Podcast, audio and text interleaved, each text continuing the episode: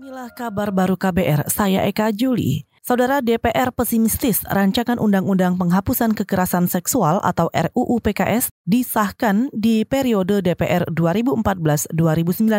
Anggota Komisi Sosial DPR RI yang juga anggota Panitia Kerja Rancangan Undang-Undang Penghapusan Kekerasan Seksual, Rahayu Saraswati Joyo Hadikusumo menyebut saat ini di Panja, partai yang memperjuangkan RUU PKS agar disahkan periode ini adalah PDIP dan Gerindra. Saras juga mengungkapkan saat ini masih terdapat perbedaan pendapat yang alot di tubuh panja RUU PKS maupun di Komisi Sosial DPR RI. Kita ini sistem DPR ini kan musyawarah mufakat. Kalau misalkan ada fraksi yang tidak setuju, itu bisa menahan gitu. Jadi ini beda dengan voting ya. Kita bukan cara barat, kita adalah caranya Indonesia dan itu artinya satu suara tidak setuju pun itu bisa membuat uh, permasalahan apalagi kalau misalkan suaranya itu adalah dari pimpinan. Nah, kebetulan ini istilahnya para para pimpinan-pimpinan di Panja dan juga di komisi memiliki pemahaman yang belum tentu sama dengan pengusung dari uh, eh, RUU ini. Jadi walaupun mereka di apa fraksi yang sama, di partai yang sama, rupanya pemahamannya bisa beda-beda. Anggota komisi yang membidangi sosial DPR Rahayu Saraswati menambahkan,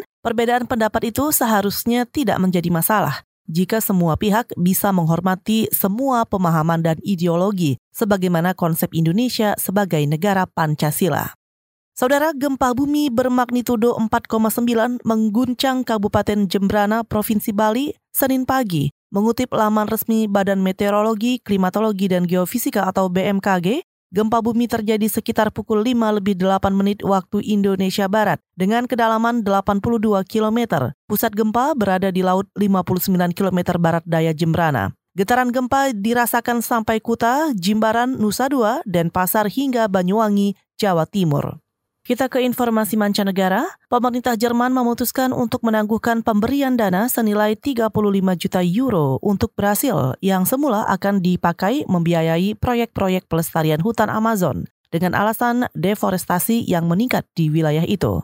Mengutip Reuters, Kedutaan Jerman untuk Brasil mengatakan langkah itu diambil pemerintah Jerman sebagai cerminan keprihatinan besar atas meningkatnya deforestasi atau proses perusakan hutan Amazon. Namun pemangkasan dana itu tidak memengaruhi Amazon Fund, di mana Jerman menjadi donor utama.